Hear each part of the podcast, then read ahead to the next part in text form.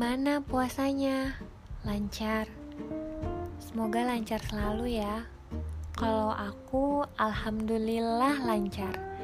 Cuma kadang-kadang kalau lihat berita tuh suka bikin elus-elus dada atau bahkan istighfar berkali-kali. Selama hampir sebulan dari mulai terbitnya fajar sampai tenggelamnya matahari, banyak banget hal yang harus kita kendalikan. Dari menahan rasa lapar, haus, dan juga mengendalikan ego. Jangan sampai setelah sebulan ini kita nggak dapat apa-apa. Bulan spesial yang kita harus tunggu 11 bulan dulu dan ketika dia datang rasanya selalu paling cepat minta izin untuk pulang. Jadi bikin sedih kan? Tapi ya mau gimana lagi? Yang penting di lebaran ini, di hari raya ini, kita mudah-mudahan dapetin hal yang gak pernah kita sangka-sangka. Beda dari tahun-tahun sebelumnya, lebaran ini kita di rumah aja. Jadi nggak dapet THR deh dari saudara-saudara. Atau dapat pertanyaan yang nggak pernah kita harapin seperti pasangan dan juga karir. Dari para sanak saudara meskipun kadang nyebelin tapi mau gimana lagi ini kan warna-warni hari raya jadi dibikin asik aja kalau aku yang bakal dikangenin dari bulan Ramadan itu sebenarnya banyak. Tapi karena bulan ini di rumah aja, mungkin satu hal, iklan sirup sebelum buduk maghrib. Duh, kamu pasti tahu kan perasaan nunggu azan maghrib di depan makanan. Ketika azan langsung minum, glek glek glek. Rasanya jadi kayak 10 kali lebih nikmat. Alhamdulillah.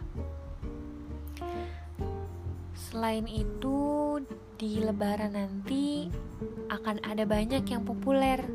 Tiba-tiba jadi tren.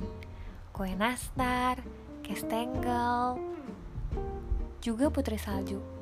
Gimana, mama kamu udah masak belum? Atau mungkin mempersiapkan ketupat, opor ayam, dan juga rendang. Hmm, enak banget deh kalau dimakan di hari raya bersama keluarga. Selain makanan-makanan itu, ada hal lain yang akan menjadi lebih populer, yaitu kata maaf. Perihal kata maaf memaafkan, sebenarnya ini bukan sesuatu yang sulit, dan juga bukan sesuatu yang mudah.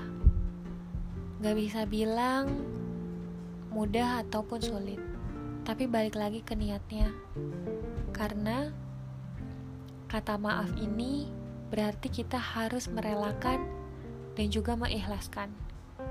Kata maaf memang tidak menyelesaikan masalah dan memperbaiki perasaan, tetapi setidaknya yang retak akan tersusun kembali, bukankah begitu? Kalau aku paling sulit memaafkan ke diri sendiri kadang suka sedih kalau misalkan tidak bisa menempati janji ke diri sendiri. Contohnya olahraga setiap hari. Hah, masih sulit, maaf ya. Atau mungkin aku yang harus terpaksa begadang sampai pagi buta. Bikin organ-organ tubuh kerja lebih berat. Aku juga mau minta maaf untuk hal itu. Kalau untuk ke yang lain, itu sudah pasti tapi kalau untuk ke diri sendiri itu jauh lebih sulit, jujur. Apalagi ketika ego harus minta maaf ke diri sendiri, itu gak mudah. Tapi semoga aja pengaruh baiknya dari bulan yang spesial ini bisa kita pelihara seterusnya ke depan. Hmm, sebelum selesai, ketika takbir berkumandang, mengingat makna sebuah perjalanan.